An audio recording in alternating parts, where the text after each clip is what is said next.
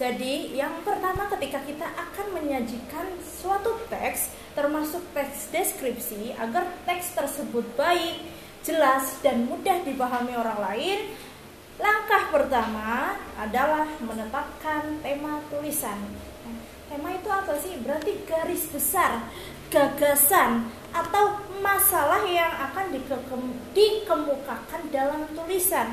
Jadi nih, ketika kita menulis sudah nggak bingung nih, oh misalnya aku mau nulis teks deskripsi ah tapi masih bingung temanya. Kira-kira nanti terbuat enggak tertulis enggak jadi tulisan enggak lama kan? Kita harus tentukan dulu temanya. Aku mau nulis teks deskripsi oh, tentang pegunungan. Ah berarti kan temanya pegunungan. Ya udah nanti tinggal ditulis langkah-langkah selanjutnya bagaimana. Itu temanya tentang pegunungan. Jadi tema adalah gagasan, persoalan atau masalah yang akan kita kemukakan dalam tulisan. Nah, judul beda dengan tema. Judul itu lebih sempit lagi.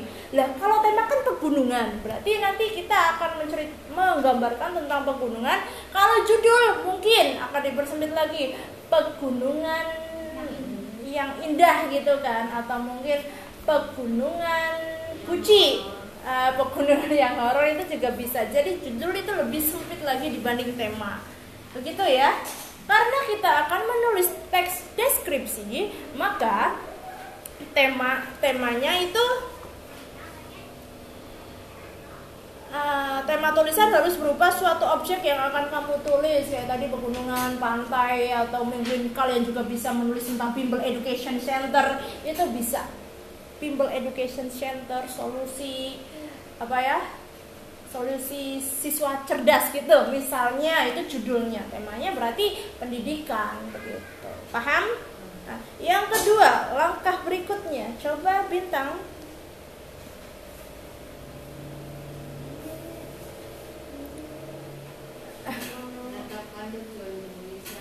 Ya, menetapkan tujuan penulisan. Nah, jadi kalau kita mau menulis, memang kita harus tahu tujuannya. Tujuannya apa sih kita menulis? Begitu ya. Termasuk ketika kita menulis teks deskripsi. Karena tujuan teks deskripsi itu berusaha menciptakan apa ya? Kayak orang itu ketika membaca teks deskripsi langsung itu kayak ada gambaran seolah-olah dia tahu atau berada di objek tersebut jadi tujuan teks deskripsi adalah berusaha iya memancing imajinasi ya adalah berusaha menciptakan penghayatan melalui imajinasi pembaca terhadap terhadap objek tertentu.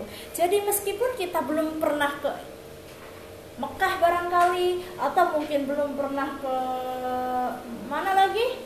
India barangkali atau belum pernah ke Papua, tapi karena ada orang yang menulis atau menceritakan tentang keindahan di sana, kemegahan di sana, ketenangan di suatu daerah, kita jadi ikut merasakan seolah-olah kita berada di daerah tersebut. Paham? Tidak hanya suatu daerah ya, bisa juga suasana. Misalnya kalian teman kalian ini malam Jumat atau teman kalian uh, enggak kalian aja lah. Kalian mau melewati nanti pulang les malam gitu terus mau melewati kuburan yang peteng lah, lampunya udah mati terus kalian itu merasa merinding gitu kan? Kan suasananya merinding bulu kuduk merinding. Me, me apa ya bau menyan. Berarti itu suasananya apa ya? Menakutkan horor gitu ya. Terus esok harinya kalian menceritakan ke teman-teman sama teman-teman dan itu kan teman-teman pedal tidak mengalami situasi tersebut.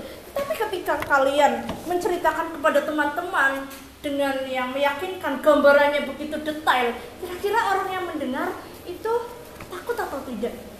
Bisa takut dan seolah Iya bisa. Jadi dia itu tidak mau lewat jalan situ nggak berani. Padahal dia belum pernah merasakan. Itu dia dengar jalan situ karena dari kamu Dari kalian. Nah, Jadi seolah-olah dia itu telah berada atau mengenal daerah tersebut yang horor begitu ya. Nah, Suasana. Mungkin juga orang. Kalian belum pernah ketemu sama guru. Guru yang baik, guru yang rapi yang nggak galak belum pernah ketemu nih. Tapi kalian kan kelas 7 biasanya guru-gurunya baru kan? Baru kenal kan? Terus kalian diceritakan sama kakak kelas. Eh guru matematikanya enak banget loh kalau ngajar. Jelas kemudian pinter dia juga pakaiannya rapi gitu kan? Kalian menggambarkan bagaimana sosok guru matematika. Belum ketemu aja sudah senang. Iya nggak? Iya jadi gitu. Jadi kalau kita pengen mengajak seseorang agar dia tahu seolah-olah berada di objek yang kita kunjungi atau kita menceritakan sesuatu ya udah pakai teks deskripsi yang jelas yang menggambar yang kira-kira kata-katanya bisa ditangkap oleh si pendengar atau si pembaca. Paham? Tujuan penulisan. Kemudian yang ketiga apa? Asra mengumpulkan bahan tulisan nah, mengumpulkan bahan tulisan. Ini adalah hal yang mutlak ketika kita akan menulis. Nggak ada bahan nggak jadi tulisannya. Kalaupun jadi nanti tulisannya jadi asal-asalan. Lah terus gimana sih cara mengumpulkan bahan teks deskripsi? Melalui apa Aska? Sumber bahan tulisan berasal dari hasil pengamatan dan peninjauan langsung terhadap objek yang akan ditulis ah, ah. pertama berdasarkan hasil pengamatan dan peninjauan langsung terhadap objek yang akan ditulis. Kayak tadi ketika kalian akan menceritakan tentang pegunungan di Gucci gitu, kalian harus tahu dulu, ngamati langsung. Oh, ternyata pas aku ke Gucci, kanan kiri banyak pohon-pohon, kemudian banyak teraseri, hawanya sejuk dan lain-lain. Kalian kan berarti mengamati langsung, meninjau langsung. Nah, itu bisa bisa jadi sebagai sumber tulisan atau ketika kalian melewati kuburan yang sepi yang suasananya horor kalian mengamat me, merasakan langsung. Ya jadi bisa berdasarkan pengamatan langsung atau ya peninjauan langsung. Begitu? Atau bisa juga dengan cara kedua. Sumber kedua apa aska? Koran majalah internet wawancara nah, jadi sumber lainnya adalah kepustakaan. Kepustakaan berarti kaitannya dengan buku ya, referensi gitu. Buku bisa, majalah bisa, koran bisa, internet bisa. Ibu mau tanya, ketika kalian akan menuliskan sebuah kota, kota Inggris gitu kan, belum pernah ke sana, kalian boleh nggak sih nulisin teks deskripsi padahal belum pernah ke sana? Boleh nggak?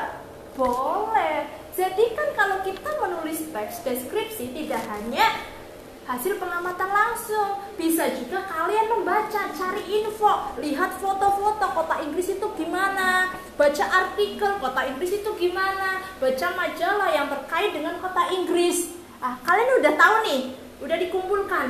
Kumpulkannya, kumpulkan bahannya melalui tadi artikel, entah buku, entah majalah atau cari di internet. Kalian akhirnya ada gambaran kan? Tulis aja teks deskripsinya bagaimana kalian belum tahu, belum pernah ke Inggris, kalian bisa menulis teks deskripsi, kemudian kalian juga bisa menceritakannya kepada orang lain, biar ia seolah-olah juga pernah merasakan ke Inggris. Paham? Jadi nggak hanya pengamatan langsung, bisa melalui kepustakaan, atau bisa juga yang ketiga melalui narasumber secara langsung. Jadi ada orang yang ahli, misalkan berasal dari daerah situ, misalnya kayak tadi ya, yang lewat kuburan-kuburan yang terkenal horor gitu, menakutkan, mencekam. Nah, di situ kan ada guru, juru kuncinya, paham juru kunci yang jaga kuburan. Nah, kalian bisa tanya nih. Padahal kalian belum pernah merasakan, belum pernah merasakan kehororan daerah tersebut, belum pernah. Tapi katanya horor gitu. Lah cobalah tanya juru kuncinya gimana. Ah, cari, maksudnya cari data. Diwawancara juru kuncinya. Gimana gimana gimana. Akhirnya kalian bisa ada bahan untuk menuliskan teks deskripsi. Paham? Jelas? Nah itu ya. Mengumpulkan bahan tulisan. Yang keempat apa Arya? Menyusun kerangka tulisan. Ah, menyusun kerangka tulisan. Ah, seperti apa yang kita tahu bahwa ketika kita akan membuat tulisan kerangka tulisan juga harus dibuat. Meskipun nanti ketika kita nulis akhirnya gelambiar gitu ya akhirnya nggak fokus. Tapi kerangka itu akan sangat membantu kita untuk fokus. Biar kita kan udah menentukan nih pegunungan ya tema pegunungan. Biar nggak nggak itu loh nggak terlalu meluas. Jadi kalau kita kadang kita aja kalau ngomong lagi ngomong ngobrol sama teman lagi ngomongin tentang ini tiba-tiba ngomonginnya tentang apa gitu kan? Nah itu tanda-tanda ketika kita ngomong nggak ada topiknya nggak ada temanya jadi meluas. Eh nggak kita nggak punya kerangka asal ngomong aja tapi nggak apa-apa kalau ngobrol aja gitu kan? Tapi kalau tulisan kerangka itu akan membantu kita untuk kembali lagi ke topik. Kadang gitu loh ibu aja ketika menulis lagi nulis nih udah nentuin tema udah nentuin tema eh udah nentuin tema ini ternyata topiknya lain itu karena karena ibu nggak punya kerangka, ya wes akhirnya gelambiar kan. Tapi kalau ada kerangka, ya Allah, ini kan aku lagi bicarain topik ini. Nah, ini aku udah keluar nih dari kerangka, masuk lagi ah, ini nanti buat bahan tulisan yang lain. Begitu ya. Jadi membantu kita atau menjaga tulisan agar topik tidak meluas. Paham? Nah, selanjutnya yang terakhir apa bintang? Wah, menggambar. Uh -uh. Terus?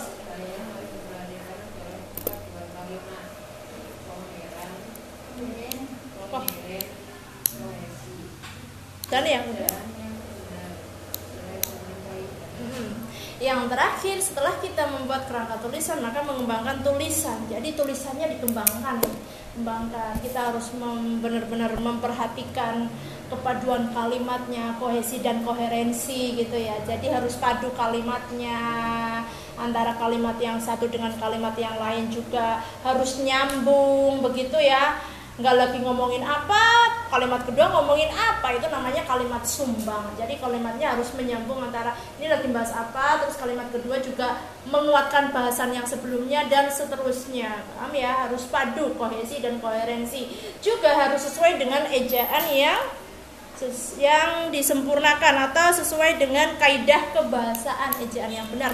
Titik koma harus diperhatikan, huruf kapital harus diperhatikan. Penggunaan tanda baku, eh kata baku atau tidak baku juga harus diperhatikan.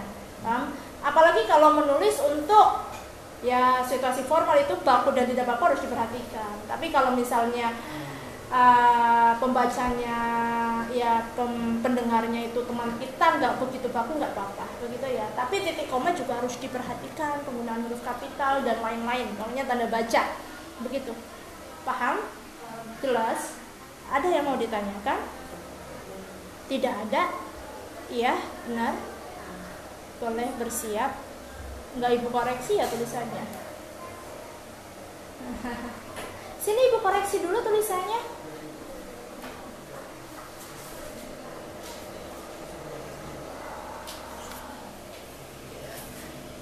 jadi biar kalian terbiasa menulis dengan baik. Nggak ada singkatan-singkatan tak lazim lagi.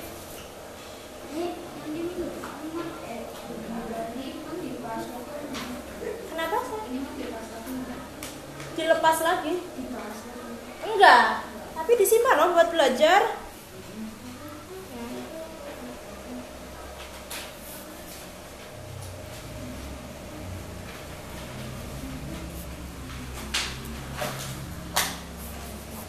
tulisannya udah bagus nih punya siapa? Punya. Udah sesuai ya. Jadi kalau huruf awal huruf awal judul itu harus huruf kapital. Kalimat juga harus menggunakan huruf kapital. Ah ini masih ada yang keliru. Uh, kalau judul itu setiap huruf awalnya pakai huruf kapital, ya. Kecuali kata depan, Awal kalimat juga huruf kapital. Perhatikan penggunaan huruf.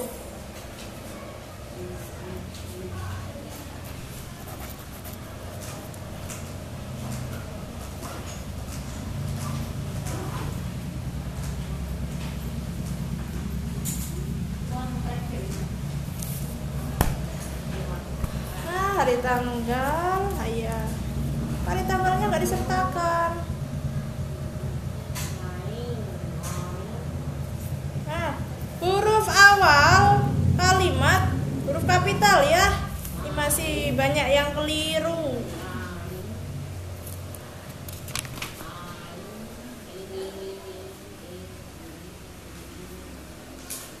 Nah, dan diakhiri dengan tanda baca. Akhir kalimat itu diakhiri dengan tanda baca.